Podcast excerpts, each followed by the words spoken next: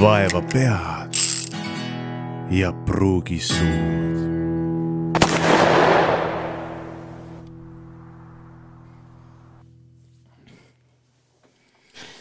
ja tervitused kõikidele raadiokuulajatele. meil on olnud siis saade Vaeva pead ja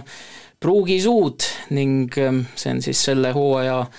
ainus Vaeva pead ja pruugi suud äh, saade. aga me teeme seda ka heal põhjusel,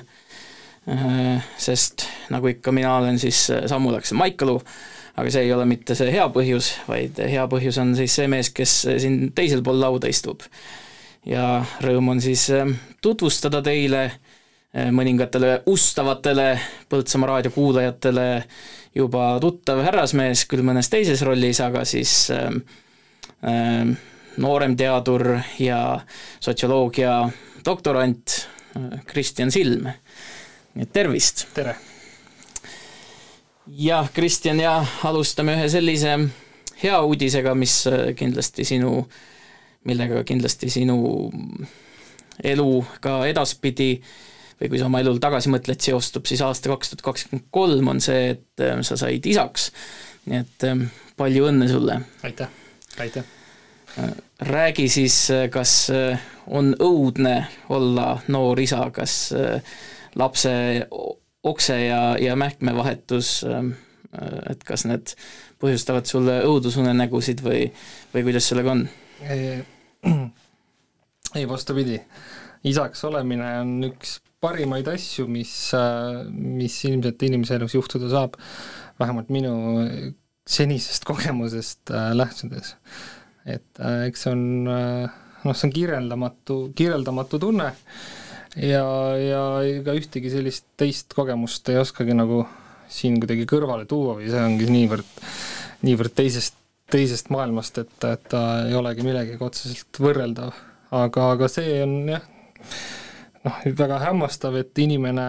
kes tuleb siia ilma, keda sa ei tea, on kõige tähtsam asi sinu elus äh, hetkega. nii et äh,, nii et, et seda kogeda võib-olla seda, selleks peab jah, peab isaks saama, aga, aga kindlasti on see jah, väga, väga tore ja äh, Christopher Robert on ka selle poisi nimi et siis, et ta ei, et siin saaks ajalooliselt ära mainitud, et selline,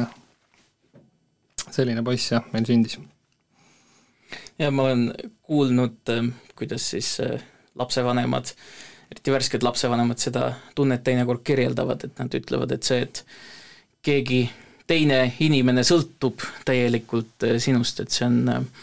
see on midagi siis nagu sellist enneolematut, et me elame justkui sellisel ajastul, kus kus, kus näiliselt võib tunduda, et, et me oleme kõik hästi iseseisvad ja see on auasi, et kui ma olen hästi iseseisev inimene, aga aga tõepoolest jah, et no muidugi ma ei saa seda au kõike endale võtta, ikkagi seal on olemas no, teatavasti läheb äh, natuke abi vaja, jah. ja just, et, äh, et enamus ikkagi sellest, kellest laps praegu sõltub, on ikkagi ema ja ja emaks, emale läheb selles mõttes see suurem, suurem koormus ka, nii et mul on tegelikult üsna, üsna hea öelda, et et kui, kui lihtne või, või, või tore või mitte tore või selle lapsega talitamine on, aga ikka, ikka ema on see, kes saab seda kõige rohkem, seda vatti seal, et äh, kindlasti ka rõõm on jagatud, aga ütleme, koormus on tema poolel kindlasti suurem. et need öised äh, toitmised ja ärkamised, need jäävad paratamatult tema õlule praegu veel. jah, ja selle lapse emaks on siis sinu abikaasa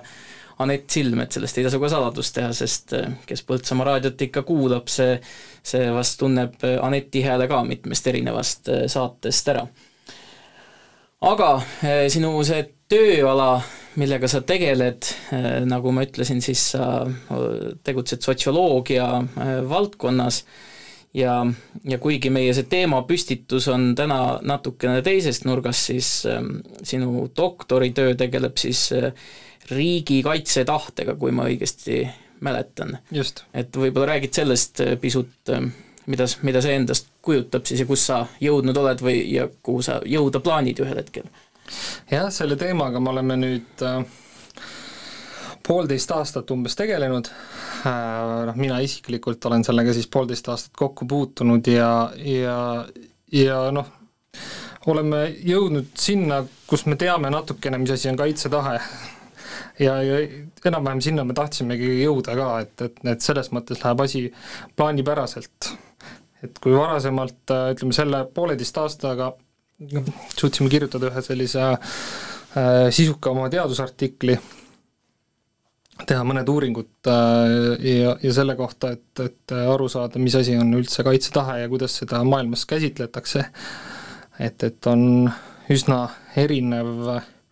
hinnata ähm, kaitsetahet näiteks äh, noh, kas või ameeriklastel näiteks, kus, kus Ameerikas või USA-s on siis äh, vastatakse samamoodi küsimusele, et kas sa oled äh, nõus oma riiki kaitsma ja kas sa oled nõus oma riigi eest surema, siis äh, see küsimus omab neil hoopis teistsugust tähendust kui äh, näiteks ma ei tea, kas või siin Põltsamaal või, või, või näiteks piiri ääres elavate eestlaste jaoks. Ja ka noh, kogu Baltikum läheb sinna alla või või nagu meie neid nimetame, kogu niisugune eesrinde riikide selline komplekt, eks ole, et, et nende inimeste jaoks omab see Äh, natukene sellist reaalsemat, äh, reaalsemat äh, reaalsemat sellist tunnetust see küsimus, kui, kui võib-olla siis, kui kui seda küsida riigi kodaniku käest, kes, kes noh, võime enam-vähem sajaprotsendilise kindlusega öelda, kelle äh, koduukse juurde see sõda mitte kunagi, noh, kunagi, aga ütleme siis lähima kümne-kahekümne aasta jooksul ei jõua. et äh, seal on väga lihtne öelda, et jah, muidugi ma olen oma riigi eest nõus surema, aga noh, selline niisugune abstraktne mõiste, eks ole, et noh, kuskil siin on see mingisugune tahe ja siis ma olen nõus seda tegema, aga noh, me teame ju kõik, et see sinna, sinnani see asi ei, jõua nagunii. et aga, aga noh, noh siin või siis ma ei kujuta ette, Ukrainas näiteks paar aastat tagasi küsiti neilt täpselt sama, samuseid küsimusi, et siis siis noh, nemad peavad vastama midagi, mis on, mis tänaseks on siis kahjuks muutunud reaalsuseks, nii et, et nende, nende jaoks omab see hoopis teistsugust sellist sellist tunnetust. aga kaitsetahe jah, koosneb erinevatest sellistest külgedest, on, need on hoiakud, äh, need on meie teadmised võib-olla riigikaitsest, et, et äh, kui nüüd süva sotsioloogilisse lähenemisse minna, siis võib-olla äh, saabki kaheks jaotada, need on äh, esimene niisugune noh, ütleme siis tahe, eks ole, ja, ja teine ongi, ongi see, et äh, mi-, millised on minu oskused seda kaitset siis nagu teostada, et et äh, ühest küljest mul võib olla väga suur kaitse, kaitsetahe või tahe oma riiki kaitsta, aga kui ma ei oska näiteks äh, relva käes hoida või, või ma ei oska strateegiliselt midagi teha või ma ei tea, milline on minu ülesanne ükskõik millises kriisiolukorras, siis sellest tahtest on väga vähe kasu, et siis lihtsalt siis sa võtad ühe suuna ja hakkad jooksma, aga, aga see noh, sellest ei ole kokkuvõttes riigile kasu, pigem kahju, sellepärast et oma isetegevusega sa võid, võid tekitada rohkem probleeme. sa oled siis selline, võib-olla võid olla selline kodanik, keda peab hakkama pärast veel omakorda päästma aga, aga ja võib-olla see on selline sise, sisejulgeoleku teema ka siis juba, kui võetakse nii-öelda need asjad oma, oma kätesse aga kui sul on head teadmised, mm, siis, siis loomulikult sul on ja kõrge tahe, siis sa suudad selle eh, noh, suudad ka päriselt midagi korda saata. aga noh, teine asi on jällegi see, et kui sul on, kui sul on väga head teadmised,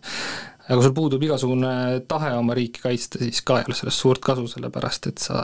lihtsalt eh, võtad oma teadmised ja lähed nendega teisele poole piiri ja ja sinna sinu teadmised ja sinu, sinu kaitse siis sinna lähebki, eks ole et ütleme laias laastus, kui seda mõistet nüüd lahti seletada, siis enam-vähem selline ta on ja, ja, ja, ja see on, on tajutav erinevalt äh, riigiti ja sõltub väga palju sellest situatsioonist, mis meie ümber äh, hetkel toimub. aga Eestis on kaitsetahtega üsna hästi vähemalt uuringute järgi on kaitsetahtega üsna hästi, et inimesed on praegu nõus kui võrdlusesse tuua siin näiteks äh, reservväelased või, või siis äh, noh, kaitseliitlased on kõige parem näide tegelikult, et äh, ütleme, üheksakümmend üheksa protsenti kaitseliitlastest on, on nõus statistiliselt oma riigi eest surema, nii et äh, ma ei tea, mis see üks protsent seal teeb, aga aga ülejäänud on üsna, üsna, võib-olla see on statistiline error, eks me jätame sellega alati sisse, aga põhimõtteliselt on, on need inimesed sajaprotsendiliselt meie, meie eest nõus riigi eest surema, et eks ta reaalsuses, kui asi tegudeni jõuab, on see protsent muidugi natuke teine, aga ja. midagi see kindlasti näitab, eks just, ja, ja no muidugi ma ütlengi, et see on see, see situatsiooni koht, mis ma sisse tõin, et, et see situatsioon mängib väga palju rolli sellest, mis äh, mis kokkuvõttes see tulemus on. et, et meie, see konflikti iseloom ise, et kuidas see on kujunenud, mis, mis on need osapooled, eks ole, ja ja, ja kui, ja kui kõik ei olegi mustvalge, et mis, mis siis veel omakorda on, et et see, seda näitab jah, seda peab võtma siis, aga, aga eks ta näitab seda valmisolekut ja me ei räägigi võib-olla ainult sellisest äh, me ei peagi rääkima ainult äh, sellisest sõjast, et meil on igasuguseid hübriidversioone ka olemas ja me võiksimegi rääkida võib-olla sellisest kriisist kui sellisest üldisemalt, et see, et see on, on selline tahe kriisiolukorras võib-olla siis äh, kriisiolukorras võib-olla siis riigi, riigi ja võib-olla siis pigem oma kaaskodanike eest siis seista. et võib-olla selline riik ka jääb natukene selliseks me, me ei saa seda, seda ka omakorda jääb võib-olla natuke kaugeks mõisteks, et üks on see, et, et kes on nõus riigi eest, aga kes on võib-olla nõus oma naabrimehe eest, et, et see on, seal on ka nagu see vahe sees. aga ühise eesmärgi nimel ühesõnaga. ja noh, plaanis on siis äh, järgnevad aastad tegeleda sellesama küsimusega, muidugi idee on võtta see juppideks lahti, mis enim seda mõjutab, miks mõjutab, eks ole, et, et meil oleks võimalikult äh, hea arusaam, ülevaade, mida me peame siis, äh, milliseid hoiakuid me peaksime siis äh, või milliseid probleeme me peaksime lahendama, et inimeste kaitsetahe tõuseks. ma näen juba siin esimesed sellised ilmingud sellisest tsiviilkaitsest on, on, on tegelikult ka juba siin meedialehtede, meediavirkudelt läbi käinud, et, et siin mõned siin näiteks äh, jah, sellise uus tsiviilkaitse niisugune mudeli reklaamimine on, on äh, vähemalt Riigikaitsekomisjonist on, on siin läbi käinud nii mõni kuu, kuu aega tagasi ehk et et, et mis siis annaks igale kodanikule mingisuguse teadmise, milline on tema ülesanne siis kriisiolukorras, et, et et siis me, siis me räägime sellest, kuidas me saaksime ära katta selle teadmiste osa, eks ole, siis me, siis me räägiksime ainult sellest motivatsioonist nii-öelda, et kuidas inimesi siis motiveerida, aga, noh, see on ka selline komplitseeritud komplitseeritud teema, et et siis äh, proovime kaardistada järgnevatel aastatel, millised need täpselt peamised motivaatorid on. Ja, ja noh, ja ma arvan, et võluvitsa ei ole, aga ehk saame mingisuguse selgema pildi ja, ja kokkuvõttes, kokkuvõttes mida parem kaitsetahe, mida kõrgem kaitsetahe, seda, seda kaitstumad me oleme. sest et meie, meie, meie põhiline ikkagi kaitsejõud on äh, reservarmee ja ja tahame me või ei taha, meist, meist ei saa kunagi suurt armeed, nii et äh, nagu, nagu on ka välja reklaamitud, iga okas loeb, siis tõesti iga, iga inimene peab täitma mingisugust äh, väga efektiivselt mingisugust funktsiooni ja see ei pea olema sõjaline funktsioon, see võib olla ükskõik milline tsiviilfunktsioon, mis siis aitaks lihtsalt äh, ühiskonnal toime tulla kriisiolukordades. et äh, kõik ei ole sõjamehed ja kõik ei peagi olema sõjamehed, aga, aga lihtsalt see, et et me teaksime, mida täpselt teha, kuidas toimida, et me ei läheks paanikasse, et me ei tee, me ei ehmataks esimese paugu peale kohe ära, et vaid me teaksime täpselt, kuhu minna, mida teha, kus on need kogunemiskohad, kuidas info liigub ja nii edasi, et see on, see on nagu meie jaoks äh, oluline eesmärk tegelikult. nii et loodetavasti need, need saavad kaetud ja, ja siis siis saan juba võib-olla kahe aasta pärast, kui, kui te seda ägedat üritust, ägedat raadiot edasi teete, siis, siis ma tulen hea meelega räägin oma katuseartiklist, et kuidas, kuidas ja milleni ma siis jõudsin. ja, ja siis saame juba täpsemalt plaani pidada.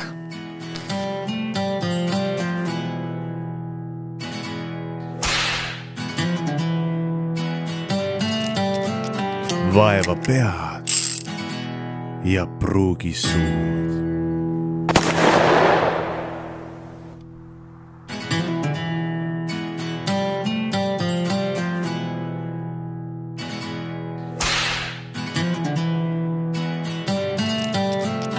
vaeva pead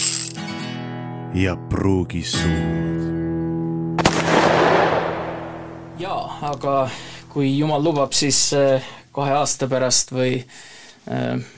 millal iganes sul see tegelikus elus valmis, valmis saab, räägime jälle ja, ja süveneme sellele lainele. aga täna me proovime lahti harutada ühte teist probleemi pundart, noh, mis on ka siis seotud ju riigikaitsega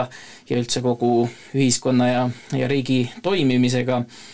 ning ähm, me proovime pihta saada mõnele sellisele äh, demograafilisele mm, protsessile või, või, või meie demograafilisele olukorrale. ja ma arvan, et võib-olla tasubki alustada ka sellest, et, et elevant toas selle, selle teema juures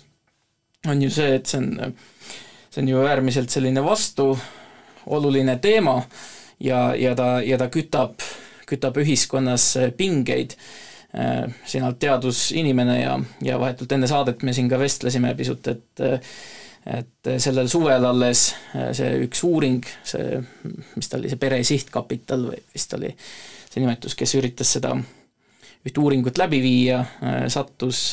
sattus koledasse jamasse ja, ja see tekitas äh, pingeid nii ühelt kui teiselt poolelt siis. aga äh, miks me ka seda saadet teeme, ma arvan, on sellepärast, et äh, et see on teema, millest tuleb rääkida, probleem on ju, ju reaalne, kuigi noh, inimestel võivad olla mingisugused noh, kas isiklikud midagi, midagi isiklikult hakkab, hakkab vastu, kui sellest teemast rääkida, tihti on teemade juures mingisugused ideoloogilised kammitsad, aga mulle nagu tundub, et äh, see, see olukord on meil tänaseks kuidagi selline, et äh, et, et kui meil on ühiskonnas mingisuguse, mingisugune lõhe, mingisugused grupid, mida võib nimetada siis nii-öelda konservatiivideks ja progressiivideks, siis äh, kipub olema niimoodi, et, et need äh, konservatiivid armastavad ilms-, hirmsasti rääkida sündimuse teemast ja demograafilisest kriisist, aga ei taha väga rääkida siis äh, noh, keskkonna- ja kliimakriisist. ja, ja vastupidi, siis jälle progressiivsematel jõududel ähm, on see tendents vastupidine, et nad tahavad hirmsasti rääkida kliima- ja keskkonnakriisist, aga, aga nad ei taha äh, rääkida siis ähm, noh, sellest demograafilisest kriisist. ja ma, ma ei tea, kas sa oled äh, muidu sellise, sellise analüüsiga või sellise vaatega oled, oled päri, see on, see on noh, eks ta ole muidugi äh, muidugi üldistus, aga mulle tundub, et ta on üpriski, üpriski täpne äh, üldistus ja, ja sealt hakkab ka see teema mõnes mõttes pihta, miks äh, äh, miks, miks, miks need nagu pinged tekivad ja miks sellest teemast on keeruline, keeruline rääkida. et jah, eks noh, sellise poliitilisel mingisugusel vasak-parem äh, teljel äh, ütleme siis äh, perepoliitika seadmine, jah, kindlasti see, neid, neid punkte leiab ka sealt, jah, olen ka nõus, et, et selle teemaga rohkem meie Eestis võib-olla poliitiliselt ongi jah, niisugused konservatiivsemad erakonnad tegelenud, eks ole, nagu sa mainisid, seesama Pere Sihtkapital, kes, äh, mis, mis vist on ellu kutsutud selle eesmärgiga, et üldse mingisugust noh, mingisugust teaduslikku alust või, või üldse mingisuguseid uuringuid antud äh, teema osas äh, no väga tugevalt seotud ikkagi Isamaa erakonnaga kindlalt. aga nad on, nad on seotud muidugi jah, Isamaa erakonnaga rahastatud samuti nende poolt enamus, enamasti. kui aga..., kui, kui, kui nüüd päris täpne olla, siis minu arust kas see oli niimoodi, et kui, kui Reinsalu oli mis ta oli kas justiitsminister, et siis ta eh, noh, mingisuguse projektina, see Eesti Vabariik sada, ja siis ta kutsus seal noh, et ministeeriumid aeg-ajalt kutsuvad mingeid projekte ellu, seal kõrval oli ka teine mingi riigiõiguse teema, aga siis üks teema, mille ta uh -huh. või üks sihtkapital, mida ta ellu kutsus, oli siis sealt, noh, mis on nagu legitiimne õigus sellel ministril, on ju, aga noh, ka selgelt mingisugused ideoloogilised tagamaad seal olid mm. -hmm. no eks, eks see on jah, et muidugi see on nendele südamelähedane teema ja siis nad proovivad vahendeid leida selle, selle teema uuringuks muidugi enda vahendeid on võib-olla raskem sinna suunata, kui, kui leida riigi vahendeid sinna suunata, miks mitte. ega Pere Sihtkapitali eesmärk ei ole ka midagi midagi nagu halba ja ja ka sellel uuringul endal ei olnud tegelikult ju midagi midagi halba või sellel eesmärgil endal ei olnud midagi halba, et et see, mis, mida, mida tehti valesti, oli, oli selgelt äh, kõik protseduurilised küsimused ja ja lisaks ka sellisele bürokraatiale ka ütleme, nende küsimuste äh, püstitus oli noh, pehmelt öeldes ebaeetiliselt, ebaeetiline ja, ja noh, loomulikult ilmselt nad oleks ka saanud, kui nad oleks ära ootanud eetikakomisjoni otsuse, siis nad oleks ka saanud äh, kõvasti neid uurimusküsimusi parandada seal, nii et tavaliselt sellise eetikakomisjoniga põrgatatakse seda nii-öelda uurimusküsimustikku paar korda edasi-tagasi, nemad äh, alguses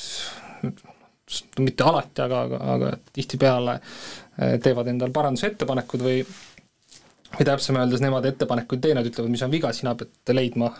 siis selle õige sõnastuse äh, nendele, nendele küsimustele, et äh, et nad ise ei ütle, mis on nüüd nagu õige, aga sa saad korduvalt pakkuda, eks ole, erinevaid neid äh, lahendusi sinna, kuniks siis lõpuks see roheline tuli antakse. aga oskad sa muidu öelda, mis see täpselt see ebaeetiline osa seal oli, et et noh, see ju iseenesest ei ole ebaeetiline, et küsida äh, väga isiklikku küsimust, on ju, et seda noh, mingis olukorras nagu tulebki vist teha. no ja, ja selle konkreetse uuringu põhjal või selle küsitluse põhjal mina, puhul, puhul me räägime sellest, et seal mina jah. seda küsimustikku ei saanud aga aga sa ei ole lugenud seda? aga ei, see minu arust, kas, ma ei tea, kas see oli isegi avalikult kättesaadav, ma ei ole seda ise niimoodi lugenud, ma võtsin sealt äh, nii palju, kui meedias paisati neid küsimusi, oligi see, et sisuliselt miks te lapsi ei saa ja aga ka see, kuidas see oli välja võetud, oli lihtsalt rahvastikuregistrist need andmed võetud ja inimesed tundsid ennast lihtsalt, äh, et oot-oot-oot, miks kuidas te noh, otsisite mind üles, nüüd te hakkate küsima, et kas ma olen, millised on mu poliitilised vaated, on ju,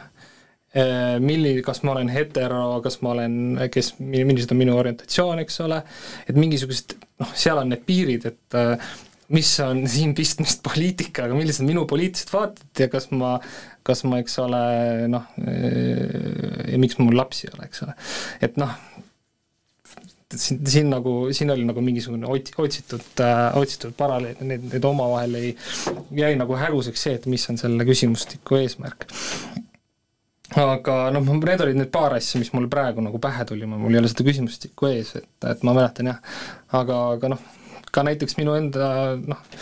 tutvusringkonnas, kes selle, kes selle küsimustiku said, tundsid ennast kuidagi nagu äh, nagu halvasti. et, et ega mm. see ka noh, et, et, et see, et, et see kuidagi noh, täpselt, et, et me kunagi ei tea, miks ja millisel põhjusel inimesel lapsi ei ole, see ei pruugi alati olla selline äh, Äh, noh, selles mõttes küsimused võivad olla äh, noh, olenemata sõnastusest siis äh, püstitusena iseenesest ju, ju vajalikud, aga aga tausta teadmata võid sa,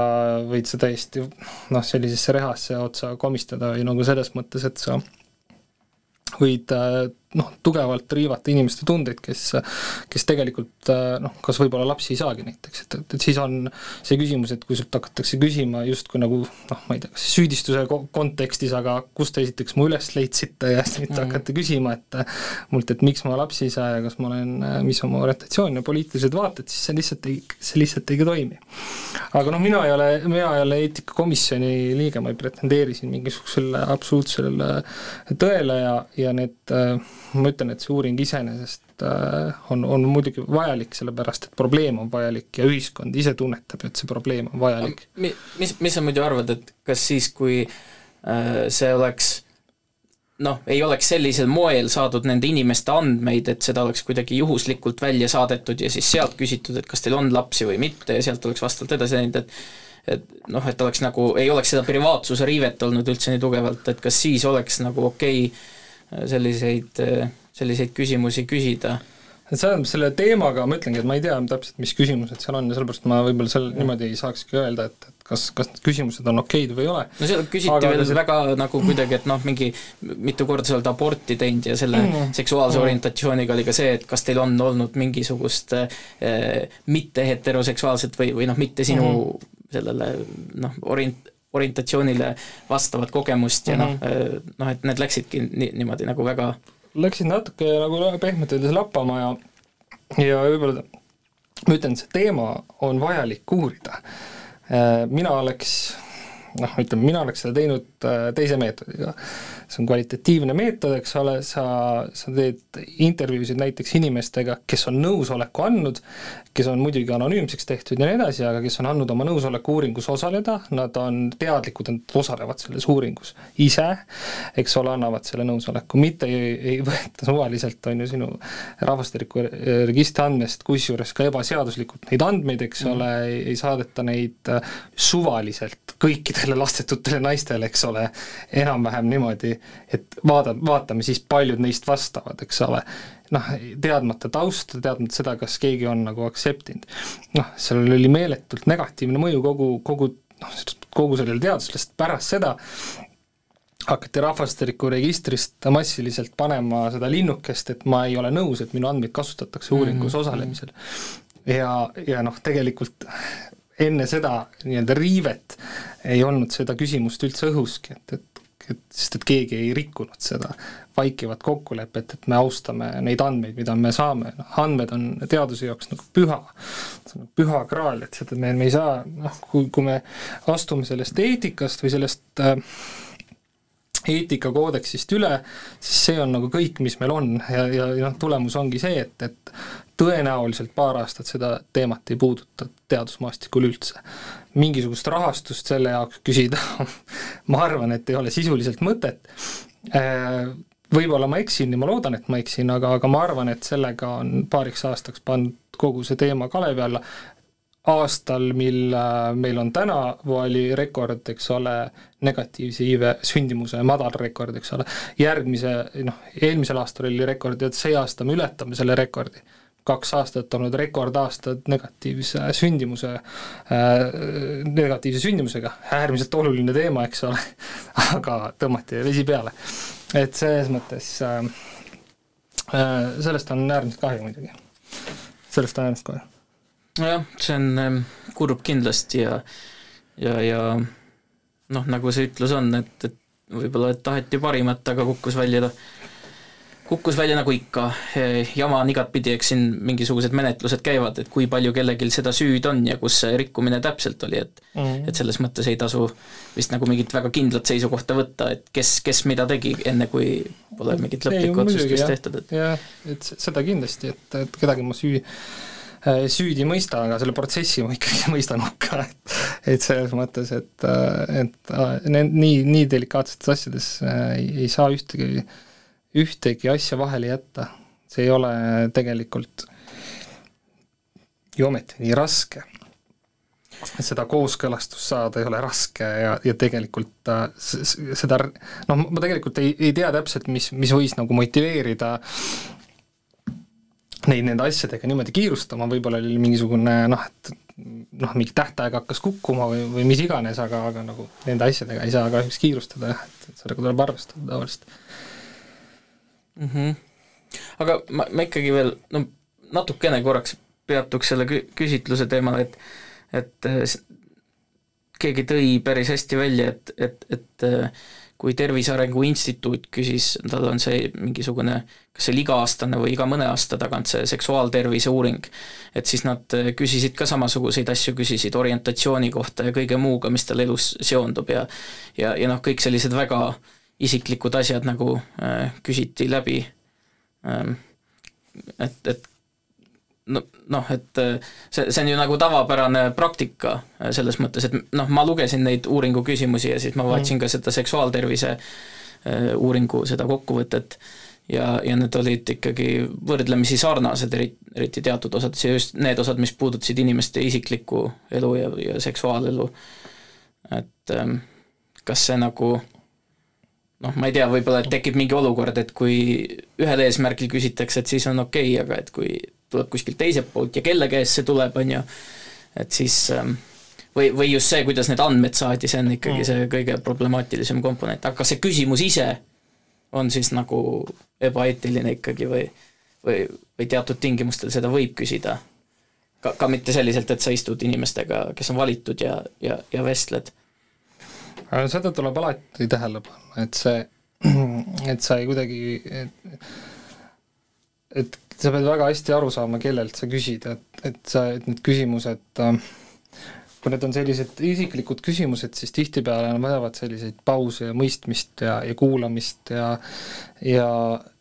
ja, ja noh, see, see võib nagu traumatiseerida ka inimest, kuna kui sa ei tea nagu seda tausta miks, äh, miks nagu, miks on tema puhul asjad niimoodi või miks ei ole niimoodi. Äh, jällegi, et need, äh, et need, et see kogu uuringu võib-olla selline jah, et seal on seda poliitilist maailmavaadet sisse toodud, et, et oli, jäi nagu kergelt ebaselgeks, et mis, mis nagu see, mis nagu nende küsimuste mõte oli, aga kuidas need ma, ma jällegi, et kuidas see meetod on, et, et äh, ega need inimesed ise ei vii neid küsimustikke läbi, et selles mõttes selleks on olemas,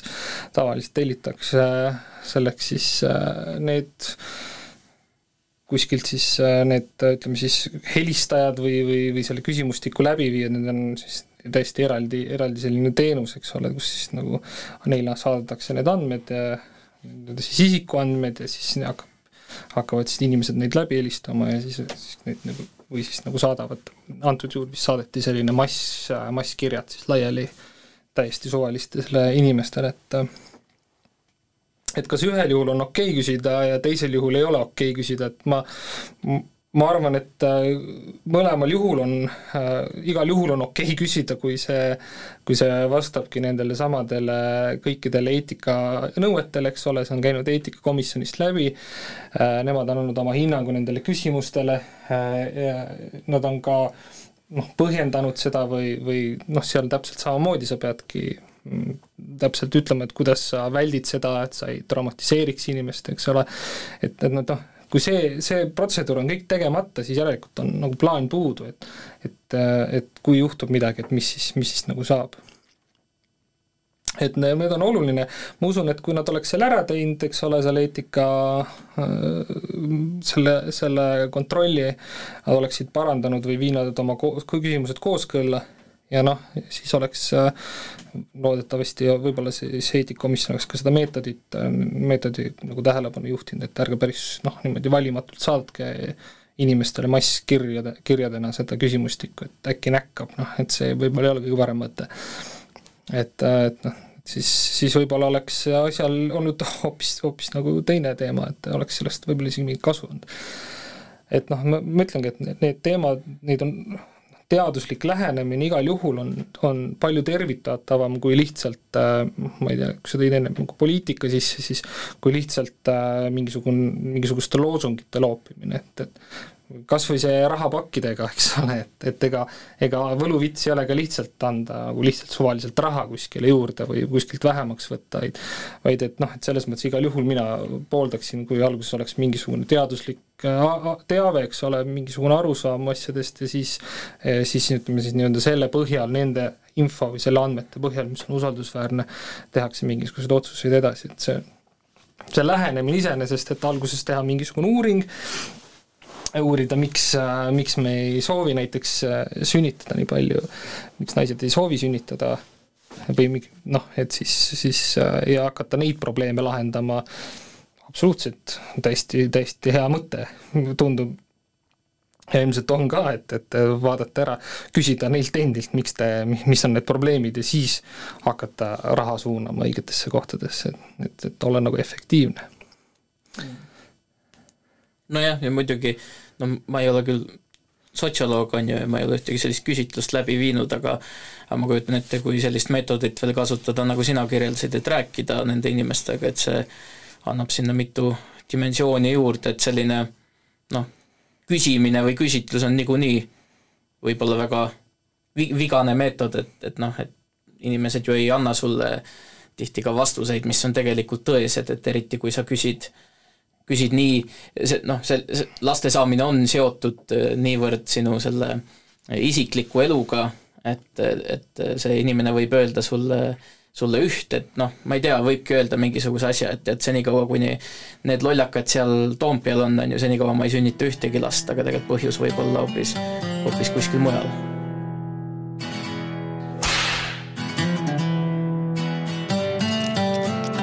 Vaeva pead ja pruugi suud.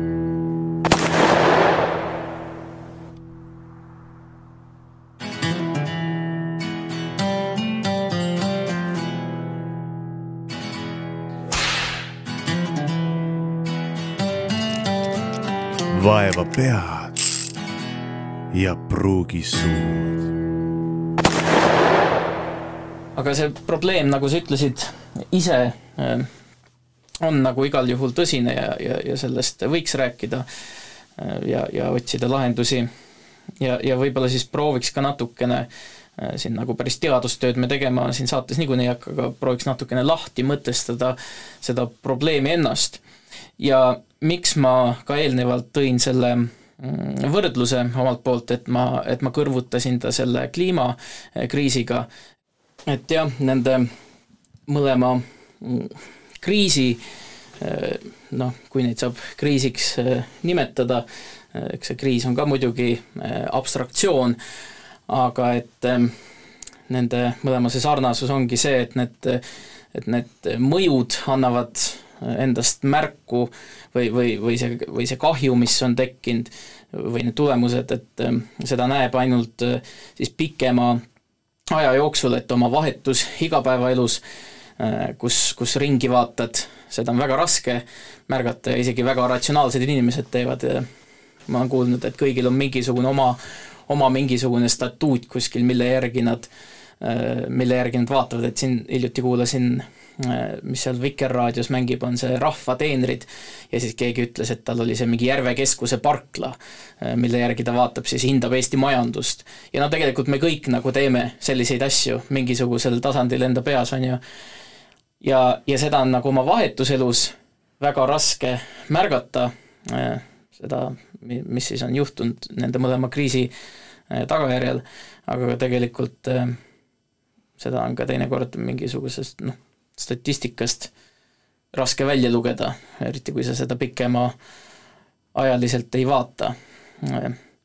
kas, ku-, ku-, kus sina seda rahvastiku kriisi või probleemi, ma ei tea, kas sa tahad seda kriisiks nimetada, kus sa üldse seda näed, kus sa, kus see sulle endast äh, märku annab? no eelkõige jah, eelkõige ma tahaksin pigem äh, öelda jah, et, et ega numbrites annab ta eelkõige märku, kuna tegemist on noh, ikkagi noh, nii-öelda mass äh,, massiga me räägime tervest rahvastikust, kui tervest elanikkonnast, eks ole. et siis äh, noh, kui palju me tegelikult tajume seda, et meil sünnib vähem lapsi täna, no tõesti jah, selles mõttes on sul õigus, et, et et seda hakkame tajuma alles kahekümne aasta pärast, et meil täna on rekordmadal sündimus, et, et siis, kui meil on äh, vaja tööturule tööjõudu, siis me avastame, et aga kus kõik need inimesed on, et on ju, et vaatad, mingid põlvkonnad on nagu, nagu täiesti tühjad, et, et, et kust me seda tööjõudu saame ja siis siis noh, paratamatult tuleb siis tuua seda tööjõudu kuskilt mujalt sisse, eks ole. et nad jah, muidugi need, need äh, hakkavad andma märku tunduvalt hiljem äh,, need samas Äh,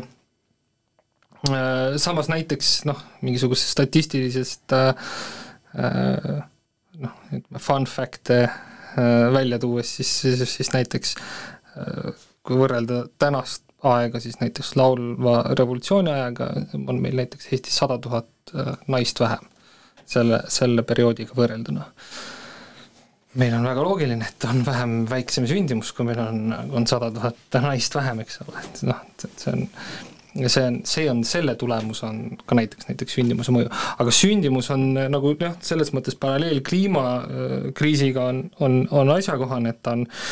mõlemad on globaalsed probleemid, see ei ole Eesti probleem, see on maailma probleem. see on, see on kogu maailma tendents, on madal sündimus. Eestis on see väga terav probleem, aga see on igas riigis probleem. Et ja kui me räägime eriti igas, igas Euroopa riigis, eks ole, et et, et kui me mõtleme, siis igal jah, sellisel meiepoolsel sellisel mingisugusel poliitikal või tegevusel on, on jah, see mõju olemas ja see on pikaajalisem mõju. aga aga sellise globaalse probleemiga tegelemine noh, vajabki no vajabki selliseid otsuseid, me ütlemegi, et me ei taju seda täna, eks ole, me, me ei taju seda nii vahetult võib-olla, eks, et, et me, me tajume seda mingisuguse aja pärast, aga, aga otsused tuleb teha ikkagi nagu täna. ja, ja sellepärast ongi neid otsuseid hea edasi lükata, et me seda täna ei näe, eks ole. kui meil, kui meil täna ei ole seda, kui me näeme küll, et jah, et numbrid on need, mis ütlevad meile, et meil tulevikus on probleem et kui täna on madal sündimus, siis mitte midagi meil ei muutu meie elus, aga, aga me peame aru saama sellest, et need numbrid annavad märku, et tulevikus me enam niimoodi jätkata ei saa, et noh, tõesti, see on kas rahvastiku äh, kriitiline vähenemine, noh, kõikide funktsioonide kriitiline vähenemine selle taustal, et, et noh, tõesti meil ei ole niisugune tööjõupuudus ja, ja, ja noh, see on, see on nagu, nagu reaalne asi ja, ja samuti on tööealiste elanis, elanikkonda on vähem, eks ole, vaneneb rahvastik, eks ole, rahvastik, kes elab järjest kauem, järjest paremini, siis äh, nendest tuleb see kuidagi kinni maksta, ütleme siis niimoodi, et, et, et, et siis, siis on ka see, see eriti akuutne, eks ole, siis sellisel hetkel, kui kui tuleb maksta äh, siis kuidagi ülal pidada seda vanemat elanikkonda ka veel väiksema, äh, väiksemate töötajate arvu, eks ole, et see on see annab igalt poolt tunda. ta on äh, jah, et selles mõttes ta on, see on probleem, mida, mida me koheselt ei taju, aga mida me peame tea-, teadvustama endale, et, et see kohe-kohe on tulemas. ja, ja muidugi alati on lihtsam leevendada seda võib-olla sisserände suurendamisega, et meie oleme väga konservatiivsed oma senises sisserändepoliitikas, äh, kuigi äh, Äh, noh, Ukraina põgenike arvelt on sisseränne nüüd vist on olnud noh, rekordiline siin ja, ja kindlasti paljud enda püsiva elukoha siin leiavad, et, et mõneks ajaks nii-öelda rahvastik selle arvelt on tegelikult noh, tegelikult oleme positiivses nii-öelda iibe mõttes. et rahvastiku arv on suurenenud, aga, aga rahvastiku arv on suurenenud sisserände arvelt, mitte sündi, sündi, sündinud laste arvelt et muidugi jah, tööjõuprobleemi saab leevendada äh, võõrtööjõuga või noh, siis sisserännanud, sinna sisserännud inimeste, inimestega, eks ole. aga, aga mis, mis see sellisele rahvusriigile ähm, siis äh, tulemust või mis see tagajärg on rahvusriigi mõttele, siis, siis jah, selle, selle hääbumine on, on sellisel juhul paratamatu ja et, et kuigi äh, jah, seda ilmselt ka niisugune niisugune poliitiliselt eilel just nimelt konservatiivsem pool eh, enam ka peale, peale nagu selle, sellele ta nagu rõhubki, et, et et jah, rahvastiku või riigina me saame toimida, aga, aga rahvana võib-olla läheb nagu keeruliseks. nojah, et see, see rahvusriik on meile kui eestlastele niivõrd oluline, et sellega, selles osas on konsensus nii eh, progressiivsete kui ka konservatiivsemate jõudude seas ja vasakpoolsete ja parempoolsete jõudude seas, et see on see Eesti eripära, sa rääkisid enne kaitsetahtest, et et meie Eesti puhul see on ju kindlasti, ka kaitsetahe on selle rahvusriikluse ideega väga tugevalt seotud. ja, ja, ja, ja mis seda sisserännet puudutab, siis noh, ma mõtlen seda, et sa ütlesid väga õigesti, et, et see on ju kogu, kogu maailma probleem ja, ja siis lõpuks tekib ka küsimus, et, et, et noh, kus sa neid inimesi lõpuks sisse tood. et siin Riigikogus teinekord on vestlus, kus siis praegune opositsioon küsib seal praeguse koalitsiooni liikmete käest, et et noh, et vaadake, meil on Eestis rekordmadal sündimus ja siis noh, nagu peaminister mitu korda on öelnud, et et see on terves Euroopas nii, mis on, mis on nagu õige, mis nagu teistpidi tundub, et, et, et ta võib-olla oma jutuga noh, üritab kuidagi nagu pisendada seda probleemi või, või noh, teistpidi mõistad ka, et see ei ole nagu unikaalne, aga see ei ole ainult Euroopa probleem, vaid ähm, see ongi terves maailmas, ma võtsin siin kaardi ette äh, ja ma vaatan seda, et ähm, ainukesed riigid siis maailmas, kus ei ole äh, seda mm, noh, sündimust, mis siis oleks alla seda taastootlusmäära, mis on siis kaks inimest, äh, kaks last täiskasvanu eani elavat last ühe naise kohta, eks ju, on, on mul õigus. ja, ja, ja seda me näeme siis, et need riigid on siis Aafrikas, enamasti Põhja-Aafrika ja see Lõuna-Aafrika tipp on siis, annavad juba noh, lähevad lähemale sellele taastootlusmäärale ja mõni riik isegi Aafrikas on siis allpool seda. ja siis mõned sellised islamimaad seal Saudi Araabias ja noh, kus on siis ka tõenäoliselt väga tugevalt need religioossed põhjused nendes maades, eks ju. aga, aga ülejäänud maailm, Põhja-Ameerika, Lõuna-Ameerika, Aasia, Euroopa, Austraalia, et igal pool on näha seda, seda, seda väga negatiivset, negatiivset tendentsi mm.. no selle taha jah, on, on, on lihtne nii-öelda peita ennast, peita meie probleemi, et justkui see on noh, noh, ta on ülemaailmne trend, aga, aga kui mõelda jah, et siis, siis nende vabanduste taha on, on saab minna ja on ka, on ka probleeme, mis on, väljuvad meie, meie tõesti valitsuse tasandilt, äh, mida ei ole võimalik kuidagi ju reguleerida, et äh, kedagi ei saa sundida varem sünnitama, selline on lihtsalt meie, ma ei tea, kas siis kapitalistlikust ühiskonnast tekkinud selline karjäärimudel, eks ole, me siin ka ennem rääkisime sellest, et, et tahetakse ju alguses lõpetada koolid, kindlustada oma tulevik, eks ole, ja siis siis võib-olla, kui sa leiad endale selle õige partneri, mis on oluline, ja need kõik, siis, siis lõpuks on see aeg sündima või sü-, sünnitama hakata ja siis ongi juba noh, siis oledki seal kolmekümne pluss eluaasta juures, noh ja siis, siis pead siis mingisuguses vahemikus sünnitama ju veel noh, mitu last, eks ole äh,. Muidugi ka seal on omad ju riskid juba sellel noh, juba sellised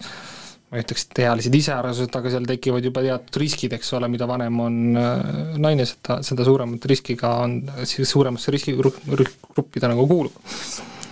Aga eelnimetatud kõik ongi tegelikult meie ühiskonna sellised probleemid, äh, mida, mida me mõnes mõttes saame teha, eks ole, et see, et on, meil on majanduslik, äh, meil ei ole, meil puudub majanduslik kindlustunne, mis paneb meid pidevalt edasi lükkama seda esimest sammu, et me, me ei taha nagu kui sul ei ole noh, see ongi see asi, mis, mis, mis võib-olla annaks sulle sellist eh, julgust äh, juurde, on ju, et sa, aga, aga selleks, et et oma esimest last saada, sa pead, sa pead tõesti sama, noh, ma ei tea, kodu, mis on täna juba selline kauge, kauge unistus paljudel, et kuidas saada seesama eh, noh, see siis sissemaksuraha, mis, mida sul on vaja oma kodu soetamiseks, eks ole, kus saada see töökogemus, sest et enne, kui sa raha hakkad teenima, sul on vaja no mingisugust töökogemust, kus sa pead ikkagi noh, hakkama siis nii-öelda positsioonidelt pihta, kus võib-olla see palk on ka mõnevõrra madalam, eks ole, ja siis kuidagi noh, ühesõnaga see on, see on miski, mida noh, mida, mida saab tegelikult toetada, eks ole, et see, et seda majanduslikku heaolu luua riiki, majandusliku heaoluga on võimalik vähemalt ära kaotada üks probleem. see ei tähenda kohe automaatselt, et meil kõik hakkaksid sünnitama ja, ja meil tuleks äh, positiivne iive, eks ole, sest et me teame ka, et on riike, kus on ju väga hea majandusjärjega riigid, aga, aga ikkagi kuidagi on negatiivne iive või negatiivne sündimus et, et noh, seal on mingisugused teised probleemid, need, ühesõnaga need probleemid ei saa muidugi üks-ühele võtta iga, iga riigi kohta, igalühel on need erinevad, Eestis on see majanduslik ebakindlus kindlasti üks probleem, millega saab ja millega võib-olla peakski nagu tegelema äh, ka valitsustasandil. Äh, aga, jah, selle õige partneri leidmine on üks oluline teema, mis on, mis on ka probleem, et äh, kuigi meil on naisi vähem, eks ole, kui oli võib-olla siin üheksakümne teisel aastal, eks ole, aga siis, äh, siis äh, samas on meil selle sobiva partneri leidmiseks on kuidagi jällegi nagu on raske, läheb rohkem aega. ma ei tea, võib-olla see on ka samuti jälle selline ühiskondlik muutus, meie kuidagi see, kuidas kõik on kolinud äh, distantsile, kuidas kõik on kolinud võib-olla internetti, eks ole, kuidas kõik on äh, seda vahetut suhtlust on vähem äh,, on väga oma äh, siis suhtlusringkonna kesksed võib-olla sellised suhted, mis, mis väga kaugele ei ulatu, eks ole, ja siis äh, seda õige partneri kohtamine on selle võrra jällegi noh, haruldasem. no ja see on asi, millel mingisuguse riikliku meetmega on väga raske kaasa ja, aidata just. või vähemalt äh, see oleks riik, milles me elada ei tahaks vast keegi mm.. et on mingeid probleeme jah, mida, mida me saame teha kindlasti, millele Kaja viitas või peaminister Kaja Kallas viitas, on need, millele me, mis on mingisugused ülemaailmsed tendentsid, aga see ei tähenda seda, et me ei saaks olukorda paremaks teha, eks ole, kindlasti peame arvestama, et on ühiskondlik muutus, äh, ühiskondlik arengu muutus lihtsalt, aga, või sellisest elukorraldusest lihtsalt, tehnoloogia areng ja nii edasi, eks ole, aga, aga me ei saa nagu öelda, et see kõik oleks äh, meie kätest nii-öelda väljus, väljaspool, et, et inimesed soovivad tegelikult, et perepoliitikaga tegeletakse ja, ja, ja selles mõttes poliitikud võiksid sellega ka tegeleda, jah. Aga jah, ainult see majandusliku heaolu taastamine, et siin eh, koroonakriis ja siis sõda olidki need, mis selle eh, palju nagu järsemaks selle languse tegid, et see langus oli, oli nagu niikuinii, aga, aga ta tegi selle languse palju järsemaks. aga, aga jah, et ainult see ju kindlasti ei aita, samas nii palju, kui mina selle teemaga kursis olen, siis, siis noh, ka eelmise sajandi selles ajaloos on näha sellist tendentsi, et et kui tuleb mingisugune kriis, mingisugune raske kriis, kus inimeste kindlustunne väheneb, siis see sündimus eh, kukub eh, järsku ja jõudsalt ja siis noh, selline loogiline järeldus, mida inimene võib teha selles hetkes, on see, et oh, aga tuleme kriisist välja, majanduslik heaolu taastub, siis taastub see sündimus ka, aga, aga et tegelikult see sündimus ei taastu nii lihtsasti, et elu on palju eh, komplekssem kui lihtsalt selline väike liitmis, liitmistehe. jah, ja, ja ütleme niimoodi, et mida, kui veel rääkida siin, mida riik äh, saaks teha või mida ei saa teha, võtame näiteks Aasia näite, kus äh, näiteks Hiina pikaaegne ühe lapse poliitika, eks ole, Hiinas oli probleeme sellega, et rahvastik kasvas liiga kiiresti. Äh, ja, ja selles mõttes sekkus riik väga julmalt, eks ole, nagu, nagu sellisele noh, äh, sellisele riigile kombeks. Äh, väga jõuliselt, eks ole, kohe seadustega ja nii edasi, nüüd on probleemi ees, kus, kus on ka seal sündimus negatiivne Hiinas, eks ole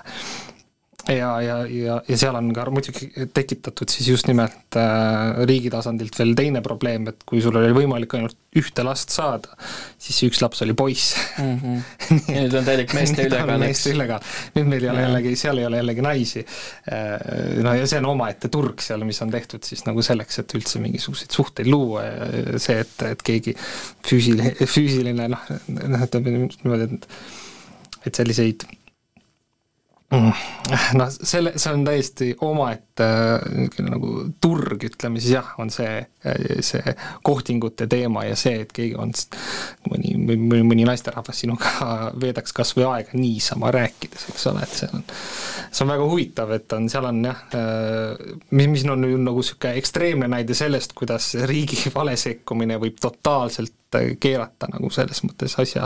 tagurpidi, et taheti jällegi piirata, eks ole, niisugust järsku rahvastiku kasvu, piirati mõeldud tagajärgedele, nüüd, nüüd hiljem on, on nad pöördumatult äh, võib-olla noh, ilmselt mitte pöördumatult, kuidagi inimkonnal on võime alati kuidagi taastuda nendest kriisidest, aga aga ikkagi väga pikaajaliselt äh, on see süsteem neil päris, päris, päris, päris rikkis. Ja äh, muidu meestest ja naistest rääkides, siis äh, äh, ma, ma ei, ma ei taha, et siit vestlusest jääks, sa, sa ka kindlasti ei mõtle seda, et ei jääks sellist valet muljet, et, et me ütleks, et sündimus on kuidagi, ma ei tea, naiste vastutus või naiste teema, see on tegelikult nagu meeste teema täpselt samamoodi, et see sündimuse noh, sündimuse näitaja lähtub siis juba naistest, eks arusaadavatel põhjustel, sest lugeda, mitu last ühe mehe kohta on, see muutuks palju keerulisemaks, ma juba siin Põltsamaal mõtlen, tekiks ähm, mitu meest, kelle, kelle puhul tekiks küsimusi, et palju tal neid lapsi siis, siis, siis nagu on. Äh, et, ähm, et need on siis sellised põhjused ja, ja, ja noh, nagu sa väga hästi välja tõid, siis äh, ähm, see partneri otsing on üks väga oluline äh, komponent siis selle mm, rahvastiku taastootmise juures tihti võib teha sellise järelduse, et et sündimus on väiksem, sellepärast et, et perekonnad saavad lapsi vähem, kui nad äh, vanasti said. aga äh, mina avastasin enda jaoks selle fakti, et mis, mis oli väga huvitav ja, ja silmi avav, et et need, et kui sa vaatad seda, seda arvu, et mitu last on ühe ema kohta, siis see on ikka üle, üle taastootmismäära reeglina enamus, enamus riikides. aga, aga et see noh, kui sa vaatad, mitu last on ühe naise kohta, siis see on see, mis näitab, näitab siis seda madalamat allpool taastootmismäära, seda numbrit, et et inim-, inimestena me kõik siis lükkame seda laste saamist, oleme noh, erinevate faktorite tagajärjel siis lükanud palju rohkem, rohkem tulevikku ja ja noh, inimkeha lihtsalt paraku on selline, et vanemas eas võib see laste saamine olla, olla raskendatud, nagu sa ise mainisid, et riskid, aga, aga võib ka olla see, et, et lihtsalt, lihtsalt ei, ei, ei ole sellist võimalustki äh, enam mm. -hmm. nii et, nii et selles mõttes noh, meestel on täpselt noh, ma ei taha, ma ei taha öelda vastutus, sellepärast et, et me üritame seda vestlust siin sellisest noh, kuidagi ratsionaalsest vaatenurgast äh, pidada, ma ei taha mingit sellist moraalset hinnangut anda, aga et see sündimus äh, täpselt samamoodi on siis äh,, on siis äh,, on siis meeste äh, meeste teema, et kui sellest partneri otsingust rääg-, rääkida, siis, siis äh, see kõlab jälle nagu mingisugune näpuviibutus või midagi sellist ja ma, ma, ma ei taha, et see niimoodi valesti kõlaks, aga et iga, iga mees võib, kui teda sündimus nagu kuidagi huvitab või kõnetab, ta tahab, et see oleks parem, siis, siis võib mõelda selle peale, et noh, mida mina täna selleks teen, et, et olla siis äh, sellele naisele kõige parem võimalik partner ja, ja, ja nendele võimalikele lastele kõige, kõige parem isa mm. -hmm. ja no muidugi siin mitte ainult äh,, mitte ainult võib-olla selline noh, tugi ja, ja, ja, ja selline noh, hea partner, aga ka, ka meeste tervis on tegelikult teema, millest on vähe räägitud. Meeste tervis on täpselt samamoodi üks äh, nagu üks, ühe, ühe mündi kaks külge või see noh, see on see teine külg, eks ole, et et kui meeste viljatus on täpselt samamoodi kasvutrendis, et, et see on, see on, see on ka probleem ja see on, see on ka üks ühis-, see on ka nüüd laiem nii-öelda maailma probleem, et, et see on statistiliselt mehed, mehe, meeste viljatus on kasvamas. Nendest elustiilidest sõltuvalt, et, et see, nii et nii et kokkuvõttes ka, kui me räägime meditsiinilist põhjustel, siis meeste tervisele tähelepanu juhtumine on kindlasti äh, üks samm, samm sellise positiivse arengu suunas, sinna tuleks panna veel rohkem rõhku. aga noh, meil võib-olla Eestis no pluss rääkimata sellest, on ju, et kui sul on see noh, otsid, naine, naine otsib sobivat partnerit mõnes mehes, et et kui see mees on selline, et teda varsti enam ei ole juba, ma ei tea, neljakümne või viiekümne aastaselt, siis siis, ähm, siis see ei ole nagu hea partner või hea isa lastele kuskilt otsast. jah, võib-olla seda ka jah, et, et et see üldine, üldine tervis, tervis ka jah, eks, eks need viljatus ja, ja üldine tervislik äh, seisund käivad mingil, mingis mõttes äh, mingi, mingi maani kindlasti käsikäes, et, et et aga noh, see viljatus elustiilist tingituna on, on noh, võib-olla selline, millega sa võid elada pikalt, aga, aga see noh, pärsib sinu võimalust neid terveid äh, seemnerakke nagu omada, et, et see et see nagu neid nagu natukene hävitab, ka mis seal saata, liigne alkoholi tarbimine, suitsetamine, vähene liikumine, et kõik see rasvumine, et see on nagu kõik need teemad, mis mis seda võivad nii-öelda meeste, meeste viljakust ju kuidagi, muidugi see, et sul on sülearvuti süles ja kõik muud asjad, mis kõik siia nii-öelda, siia piirkonda need niisugust stressi tekitavad, eks ole, kõik kiirused ja asjad, et, et need tänapäeval on, on noh, niisugune levinud teema kas sina muidu, see ei olegi enam äh, üldse nagu sinu valdkonnas, aga kas sa selle, nende teaduslike mm, teooriate või uuringute kohta oled ka kuulnud,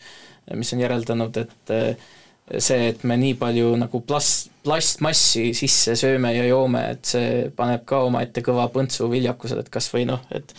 et äh, noh, plastmasspudel, eks ole, või, või, või igasugused mm sellised asjad, et seda plastmassi on meie vereringes rohkem kui kunagi varem ja on tuvastatud seal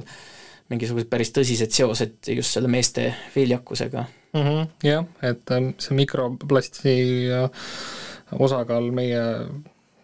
organismis on, on jah, kasvav äh, samamoodi, et, et et nüüd üritatakse ka võimalikult vähe plastikasju kasutada, on tulnud kõiksugu alternatiivid, et äh, kusjuures äh, mäletan, et äh, mis, mis mitte oma kogemusest, aga, aga just ühest reklaamist just mäletan, kaks reklaami oli võrdluseks toodud, kus kus üks, noh ma pakun, et see võis olla kakskümmend aastat tagasi, kus oli reklaam, et säästa loodust, ära osta paberkotti, vaid osta plastikkotte oleme teinud, vahepeal on päike mitu korda tõusnud ja looja läinud ja nüüd me oleme ikkagi seal tagasi, et äh, ära osta plastikkotti, osta paberkotti, säästa sellega loodust. Äh, väga huvitav, äh, lihtsalt see, kuidas vahest tuled ringiga tagasi nende vanade tõdede juurde, et, et kuidagi looduslikumad asjad on ikkagi looduslikumad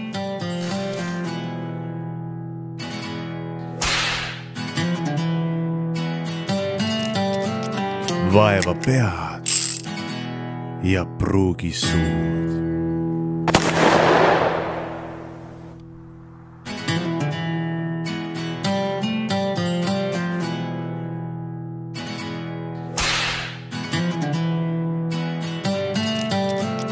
Vaeva pead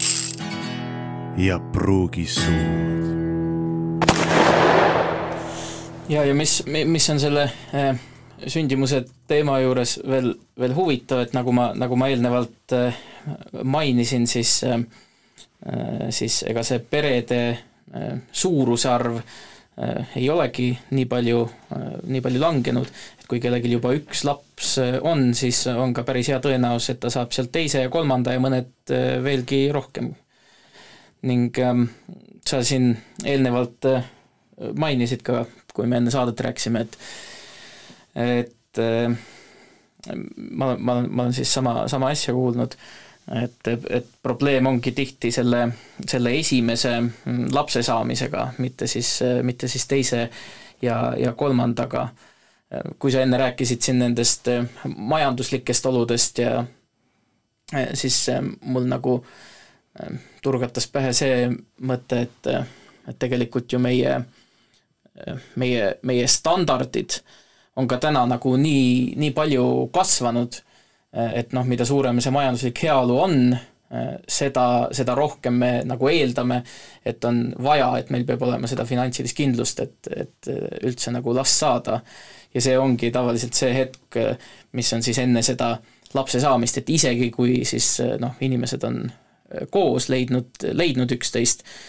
siis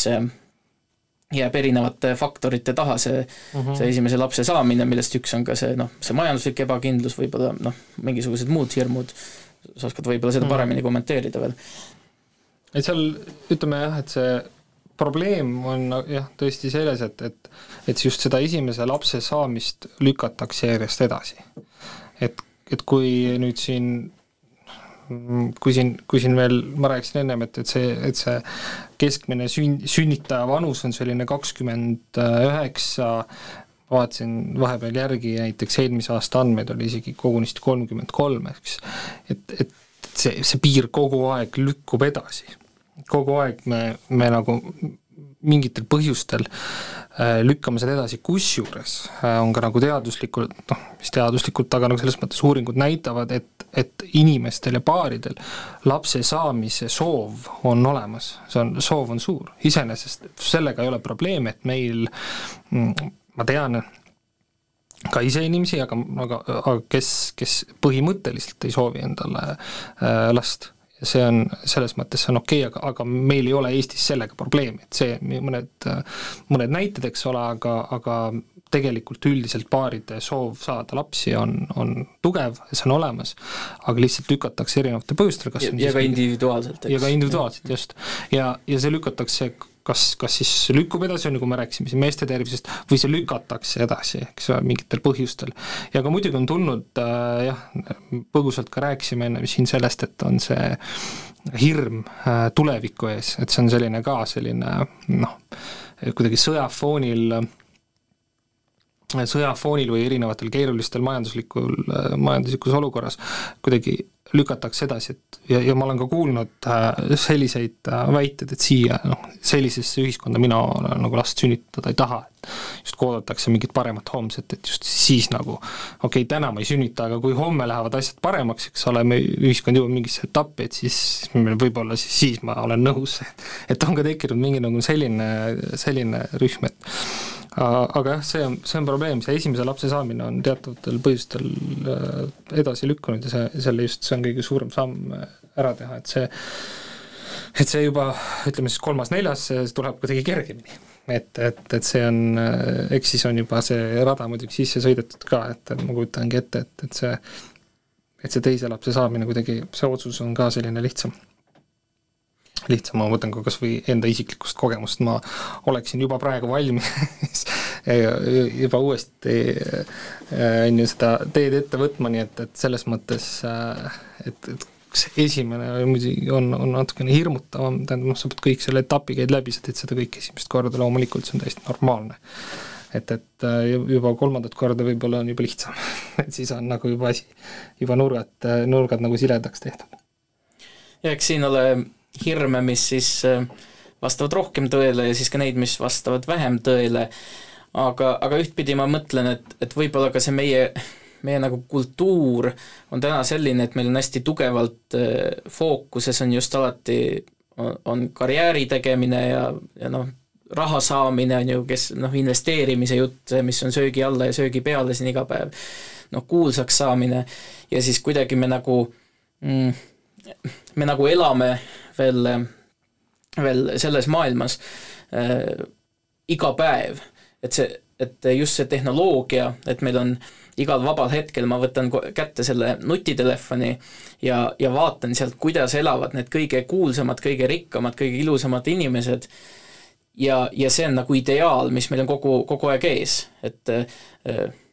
noh, eks, eks alati on olnud noh, ma ei tea, igal ajastul mingisugused kangelased ja kelle peale vaadatakse alt, alt üles, on ju, aga ma nagu olen ise mõelnud, et ma ei alahindaks üldse selle tähtsust, et kui võimas see tehnoloogia meil on ja, ja, ja just ta on selles osas nii võimas, et millist seda infot ta meile kõike siis eh, nagu sisse söödab. ja, ja mul ei möödu päevagi, kus ma ei vaataks või, või kuulaks või, või näeks midagi sellist, mis mis räägib siis sellest, kuidas need noh, need nii-öelda rikkad ja ilusad siis, siis elavad, et selle, selle kohta on üks päris hea selline filosoofiline teooria ka, mis mind, mis mind paelus, kui ma õigesti mäletan, siis see rääkis sellest, ta rääkis hüperreaalsusest, mis siis tähendaski seda, et, et noh, et kui üldistada, siis on see maailm, kus meie elame, see on see nagu päris reaalsus, noh, kus sina elad, igaühe jaoks on see maailm natukene erinev, me, me, see on see minu reaalsus. ja siis on olemas see mingi teine reaalsus, see, mida me näeme kogus meediumis ja mitte, mitte siis ainult noh, meedias, sotsiaalmeedias, vaid ka kõik filmid ja asjad on ju, meil tekivad mingid arusaamad sealt, mingisugused väärtused jäävad külge, mingisugune pilt, kuidas me nagu maailma näeme, ja et kui see tehnoloogia on nii võimas, et, et ma iga päev tarbin, tarbin järjest rohkem seda, saan seda infot, mis siis, mis siis ma sealt sellest võimsast tehnoloogiavahendist kätte saan, siis see piir justkui nende kahe reaalsuse vahel, äh, see hägustub ja ta, ja ta saabki nagu üheks ja me ei, ja me ei suuda enam nagu kuidagi eristada äh, neid, neid kahte dimensiooni äh, omavahel. ja, ja, ja mulle tundub, et, et seal võib ka noh, kas või mingis osas see, see, see nagu põhjus peituda, et miks mik-, miks meie nagu mõtted on niivõrd nagu suunatud sellele kõigele noh, karjäärile ja raha tegemisele äh, ja nii edasi, et äh, noh, selle ma ütleks küll nagu võib-olla siis omapoolse sellise väärtushinnanguna või arvamusena välja, et et, et me võiks ju rohkem väärtustada ka seda, seda nii-öelda seda pehmet poolt, mida öeldakse, noh, mis ongi siis perekond ja ja, ja ja lapsed ja lähedased ja, ja nii edasi. ja et kui keegi tegeleb, on ta siis mees või naine või vahet ei ole, et äh, otsustab rohkem pühenduda, palju rohkem sellele lapsele äh, või perekonnale kui siis karjäärile, et siis see oleks ka nagu selline asi, millest, millest me peame lugu. jah, mul tuli sellega seoses meelde, et äh, et, äh, et just Kaja Kallasega just tuli seoses meelde ju sellega, et, et me pühendaks rohkem aega perele, et siis äh, uue sellise, või noh, see koalitsiooni selline mõte on, et vähendada siis äh, seda laste äh, ja lapse ema sellist äh, lapsepuhkuse perioodi ühele aastale, kui ta on praegu on üks koma viis aastat, siis vähendada seda ühele aastale ja ja seda nagu aega vähemaks võtta. ja, ja teine, teine meede, mis mul tuli meelde, oli seesama peretoetus, äh, mis, mida ka kärbiti, et, et kuigi noh äh,, ma tahan öelda lihtsalt, et, et see, et, et see ühest küljest ühest küljest ebakindlust loob ka see, et kui me liigume ühes suunas, aga siis järsku, siis järsku justkui kaob ka nagu see, ütleme, riigipoolne mingisugune kindel selline äh, fookus ära, et, et siis sa nagu äh, nagu loodad või, või oled nagu mõelnud või arvestanud kogu aeg sellega, et me liigume, et me, me, me väärtustame oma lapsi, eks ole, me väärtustame lapsevanemaid, kogu seda protsessi ja siis äh, ja siis mingi hetk hakkab, hakkab nagu vastu liikuma, et sa ei saa enam toetuda nendele samadele, samadele asjadele. et vaatad, et noh, et võib-olla ei olegi nii. See on muidugi natuke selle majandusliku poolega rohkem seotud kui, kui võib-olla selliste väärtushinnangutega, aga, aga jah, aga jah, ka, ka see mingil määral loob sellist ebakindlust, et, et sa, et kui, kui me riigina oleme natukene nagu nüüd, räägime ühte, aga käitume nagu, nagu vastupidiselt sellele, kuidas, kuidas, kuidas meie nagu fookus on seatud. ja siis see no võib-olla nagu seda ebakindlust annab, annab mingil teatud, teatud mõttes juurde aga, aga tulles tagasi jah, selle äh, ideaalse maailma kuvandi juurde, siis see on kindlasti üks asi, mis, mis äh, mis on nagu lükanud seda sünnitusiga edasi, ma olen suhteliselt kindel, et see on üks, üks kindel asi, et, et, et et me tahame saavutada mingisuguseid asju, mis on endale seatud eesmärk ja need eesmärgid on, on võib-olla sellised, mitte isegi meie endi seatud, vaid on kuskilt mingid standardid tekkinud, mille ma pean saama endale noh, ma saan kindla kodu, eks ole, siis mul peab olema kindel stabiilne töökoht, eks ole, haridus ja siis, ja siis mul peab olema veel mingisugune väga nagu hea partner, eks ole, ja siis kui kõik see pakett ja kõik need tähtede seis on nagu õige, siis, siis on nagu õige aeg. ja sellega, et võibki minna nagu maru palju aega tegelikult. Et, et seda või siis ei jõuagi kunagi sellesse täiuslikku punkti, alati on midagi, mis võiks kuskil paremini olla. et, et ikka kodu võiks ikkagi suurem olla ja ja, ja, ja majanduse langus on ka praegu, et siis, eh, siis ikka selle rahaga ära ei ela, et peab ootama uut palgatõusu ja et siis, siis võib-olla vaatame edasi. võiks, võiks veel natuke parem partner ka olla ja. ma, ma loodan, et sellel, et selles etapis juba vast, vast ma loodan, et alustatakse partneri valikuks ja siis minnakse edasi juba majandusliku ja muude asjadeni, et ma loodan, et see niipidi, vastupidi oleks äh, oleks ka muidugi huvitav, et, et alguses vaatad, et kas on raha ja, ja siis kodu ja siis kaasavara nii-öelda hindad ja siis siis alles valid partneri seal. aga noh, see oli nagu naljata, naljatades pigem jah. ei no mul on tutvusringkonnas täitsa selliseid inimesi, kelle, kelle esimene küsimus on alati, alati raha küll, et siin alles hiljuti teatasin mitmetele erinevatele inimestele ühest lähedase surmast, väga kurb lugu, ja üks mu sõber, kes, kes alati siis äh, mõtted liiguvad rahateid mööda, siis ta esimene küsimus oli kohe, et et äh, mis selle pärandusega saab. nii et selles mõttes jah, selliseid inimesi täitsa, täitsa on nagu meie seas ja inimesi on erinevaid selles mõttes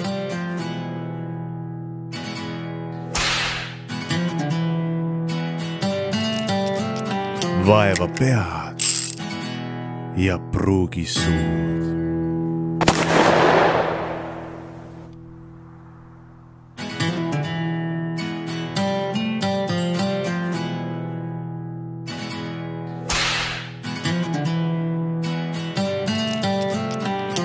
Vaeva pead ja pruugi suud. Aga mis siis, mis siis teha, et sünniks rohkem lapsi? Ma küsin sinu käest. Ma vahetasin rollid, vahetasin rollid ära sujuvalt, et ma küsin sinu käest, mis teha, et sünniks rohkem lapsi? mis teha, et sünniks rohkem lapsi? Väga, väga sujuvalt tegid sellise, sellise lükke, sa ei tahtnud ise vastutust võtta, et et, et öelda ega, ega tead, selles mõttes siin ju lihtsaid vastuseid ei olegi, vaata, meil see jutt on ka olnud selline niimoodi ühest nurgast teise siin, siin, siin ju natukene ja, ja see noh, mis selle pro-, probleemi nagu põhjus on, see ei ole ju ka nii ühene, seal on terve rida erinevaid faktoreid koos, millele me ei saa kõigile nagu näppu pealegi panna. et, et ma võib-olla nagu kirjeldaks seda probleemi veel pisut, ma sattusin lugema ühte Tammsaare arvamusartiklit, mis ta oli kunagi kuskile ajalehte kirjutanud, et või oli ta essee, noh, ühtpidi, teistpidi, et et me kõik teame selle, seda Tõde ja õigust ja, ja Põrgupõhja vanapaganat, mis on siis kohustuslik kirjandus, ja, ja siis on palju inimesi, kes teesklevad, et nad on need teosed läbi lugenud ilusti. Aga, aga Tammsaarel olid ka kusjuures väga head igasugused sellised esseed ja, ja nagu arvamusartiklid. Ja, ja ta kirjutas nagu väga kuidagi tabavalt äh, selle, selle kohta, et kuidas juba nende ajal siis räägiti sellest sündimusprobleemist, neil oli väga äge sõna veel, mida oli see, noh, käibefraas oli neil, oli sigivus ja sigimine, äh, noh, mis tänapäeval siis võib-olla kasutaks pigem loomade kohta, aga tol ajal see keel nagu oli selline. ja siis äh, Tammsaare nagu tõi seal kuidagi nagu päris hästi välja, et et kogu selle ühiskonna muutusega, et kus me oleme nii jõukaks saanud ja sa tõid välja ka selle kapitalistliku vabaturu mudeli, mis on ka meile suurt heaolu nagu kätte toonud, eks. et, et kõige selle eh, tagajärjel see sigivus ongi siis äh, ongi siis nagu, ongi siis nagu langenud ja ta vaatas seal kõrval, vaatas näiteks läände, vaatas väga arenenud tolleaegset noh, seal mingit Saksamaad ja Inglismaad ja ütles, et, et näed, seal samamoodi sigivus on madal, vaatad teisele poole Venemaale, kus inimesed võivad veel muldonnides elada teatud piirkondades ja et seal on see jällegi, jällegi väga kõrge. Ja tol ajal öeldi ka, kusjuures täpselt sama asja, et oi, et kui me viime oma majanduse veel nagu kõvemale tasemele ja, ja, ja rebime veel sinna eesrinda kuskile, et siis siis küll see sigivus ka, ka nagu äh, tõuseb. nojah, et eks ta nii on. ma mõtlengi, et ega kui, ega see majandus iseenesest ju kuhugi kõrgustesse ei roni, et selleks on vaja tööd teha, eks ole, ja, ja, ja kui see ongi niisugune nagu noh, kingisaba lahti, et kui ühest küljest me tahame, et äh, et me elaksime väga hästi ja jõukalt ja et meie ühiskond elaks hästi jõukalt, siis me peaks justkui väga palju tööd tegema, aga teisest küljest, kui me teeme väga palju tööd, siis me jätame kõik oma muud tegemised, äh, selle võrra lükkame ka neid edasi. et, äh, et kokkuvõttes kas võib öelda, et, et töö mingil määral pärsib või noh, pärsib sündimust või, või lükkab selle sündimise edasi, et siis jah, ma arvan küll, et see on ka näiteks üks asi. nojah, ja kui sa küsisid lahendusi, siis eks need on ju laias laastus meil siin ka täna äh, kõlanud, aga noh, samas ka ükski lahendus ei ole praktikas kunagi nii lihtne, kui kui äh, kui ta teoorias on ja, ja noh, miks ma ka selle Tammsaare näite tõin, et et see on väga, väga pikaajaline tendents ikkagi olnud, et keegi, kes hakkab on hakanud nüüd sellel aastal, ma ei tea, Riigikogu istungeid jälgima, et võib tunduda, et näed, järsku on käinud selline asi, aga tegelikult tegemist on väga pikaajalise protsessiga. tead, ma küsiks sult lõpetuseks võib-olla sellise küsimuse, et mul oli siin ähm, väga huvitav vestlus oli Heldur Meeritsaga teises saatesarjas, äh, kus siis oli tema persooni intervjuu ja ja, ja seal me rääkisime küll nagu Põltsamaast äh, laias laastus, äh, et Põltsamaa on noh, väike koht ja, ja see keskmine vanus meil siin tõuseb tegelikult ja ja inimesi väheneb ja see ei ole nagu kuigi jätkusuutlik. ja siis ma küsisin nagu Heldur Meeritsalt Põltsamaa kohta küll, aga küsisin, et et tema siis nagu, et kas sina usud ikkagi siis sellesse, sellesse kasvu ja, ja, ja paremasse homsesse, et või, või sa usud siis kestlikkusse kahanemisesse ja tema ütles, et tema äh, sellesse kestlikkusse kahanemisesse, ta küll ei usu, ta sõnastas seda kuidagi palju elegantsemalt, soovitan seda intervjuud järgi kuulata, aga sama küsimus siis sulle, et, et mis sa arvad, kas siin on üldse mingisuguseid häid lähenemisi või või, või õige kurss olekski see kestlik kahanemine? ma loodan, et me ei vali seda teed, aga ma ei teagi, kuidas äh, kuidas siis nagu, kuidas siis nagu mingit, mingit võluvitsa tõesti nagu pakkuda nagu ei ole. Aga eks me, mida me saame teha, on neid kõiki probleeme sisuliselt, mis me võtsime kõige akuutsemad äh, praegu siin ka selles saates lahti, nendega individuaalselt tegeleda, just noh, nii, nii-öelda rohujuure tasandilt, et, et äh, et iga probleemiga mida lahendada isegi ei saa, see on, on meie jaoks ka nagu suur võit, kui me suudame neid leevendada või, või, või nagu kuidagi nagu selliseid asju, võib-olla mõne probleemi üldse likvideerida, et, et see, see oleks meie jaoks, äh, Eesti riigi jaoks nagu, nagu oluline. aga, aga ma arvan küll, et me, me vast, ma loodan, ma mõtlengi, et jällegi nagu raske on midagi prognoosida, äh, noh, kuna numbrid näitavad sellist sellist just nimelt seda kahanemise poolt äh, palju paremini kui, kui niisugust ilusat homset, äh, siis äh, ma siiski loodan, et see mingisugune selline pööre või mingi niisugune nagu selline mõttemalli muutus kas või, või mingi hoiakute muutus siiski tuleneb, et tuleb kuskilt, et, et me hakkame nagu rohkem mõtlema väärtustama midagi muud, et võib-olla see on järjekordne ühiskonna mingisugune arenguetapp, mis, mida me võime paarikümne aasta pärast näha, et me, me hakkame väärtustama hoopis teisi asju, kuna ma ei tea, tehisintellekt võtab kõik meie töö enda peale, kõik niisugused tülikad asjad ja me saame keskenduda lihtsatele pere, mis lihtsatele, nagu just tähtsamatele asjadele, nagu pereväärtus, pereväärtuste ja pere, pere hoidmistele, et, et, et äh, võib-olla see on niimoodi ja võib-olla ma loodan, et see on nii, et äh, uskuda tuleb aga kui ei usu, siis ei ole nagu, nagu üldse mõtet selles mõttes. morbiidsel toonil. mingi, mingi, mingi lootus peab olema, tead, sa tuletasid nüüd mulle tegelikult ühe väga olulise punkti meelde, mida nagu inimesed tihti noh, selle koha peal ka osaliselt õigustatult siis välja toovad, kui sa rääkisid tehisintellektist, eks ole, et kas siis noh, kui me räägime, et meil tekib ühiskonnas mingi puudujääk, sellepärast et teatud põlvkond on ebaproportsionaalselt väike, et siis kas nagu tehnoloogia ei, ei aita meid, et mul siin suvel käis, istusid seal, kus sina istud, ühed Riigikogu liikmed ja siis üks neist, üks neist ütles siis ka seda, et, et noh, et tehnoloogia lahendab selle, selle mure, et, et Jaapanis on juba sellised humanoidrobotid vanadekodudes, kes teevad selle kogu töö ära, noh, ma muidugi äh, käisin Jaapanis, ma ühtegi vanadekodusse kahjuks ei sattunud, aga, aga ma seal rääkisin kohalikega ja ja see oli, see oli pigem mingisugune selline eksperimentaalne suund seal, kus äh, keegi midagi, midagi nagu proovis, nii et äh, see noh, teinekord uudisekünnise ületab mingisugune selline väga noh, vinge mm. tehnoloogia asi, mida proovitakse kuskil ja firma näeb seal võimalust ennast, ennast siis reklaamida ja nii edasi, aga aga et see tehnoloogia meil, meil nagu nii kaugel, nii kaugel veel hetkel ei ole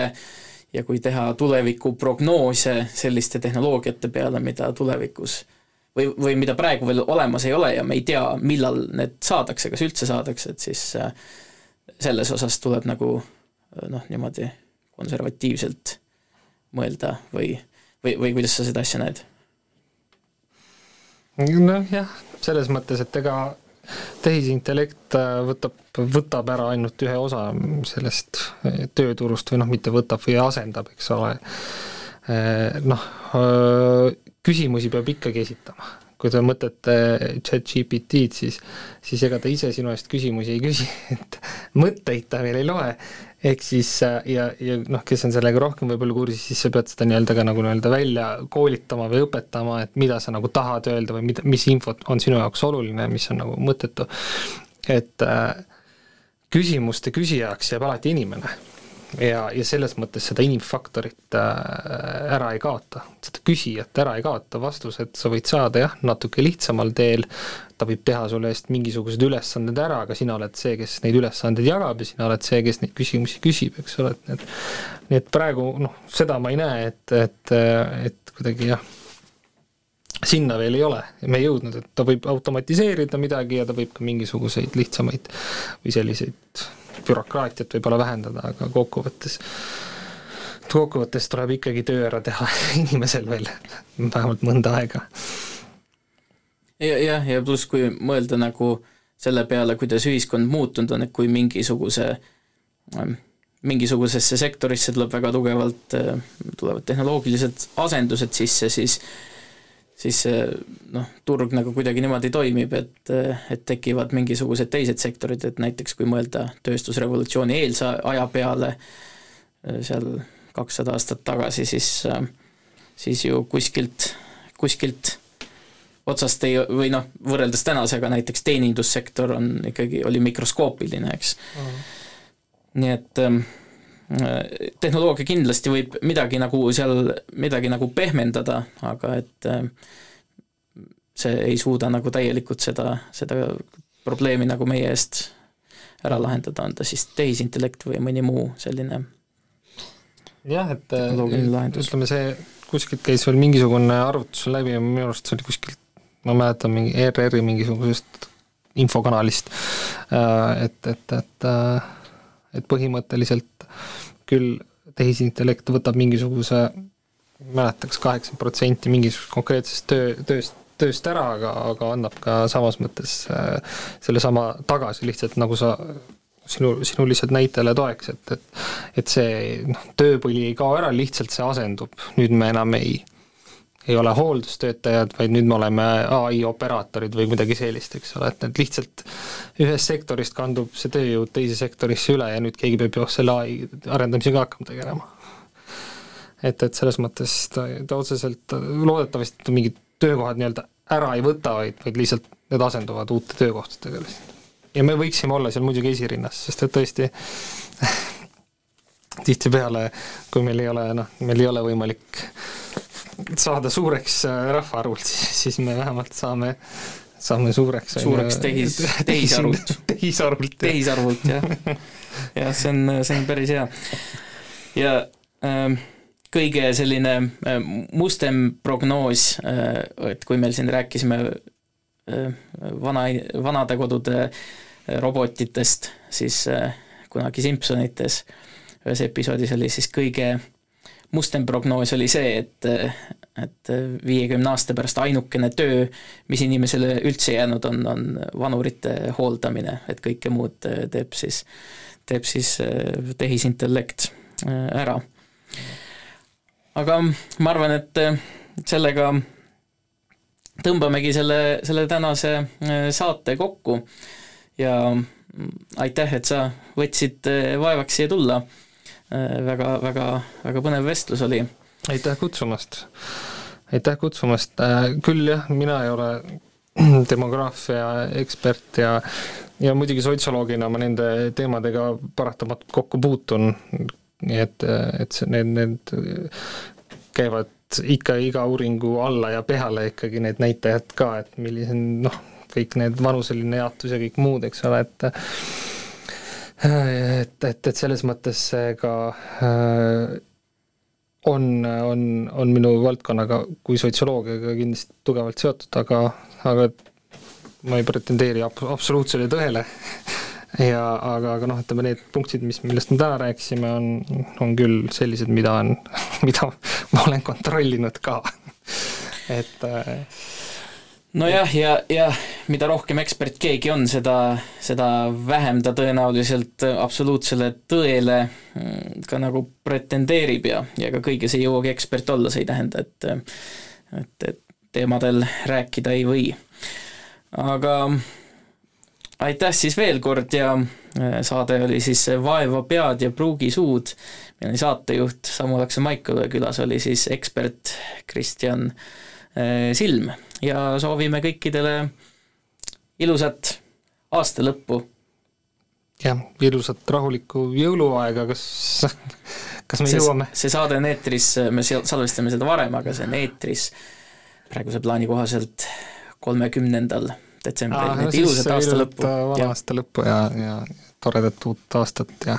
ja loodetavasti, loodetavasti ka meie iive saab sellest, vähemalt sellest äh, mõõnaperioodist üle ja, ja me jõuame uuesti positiivsesse tulemisse.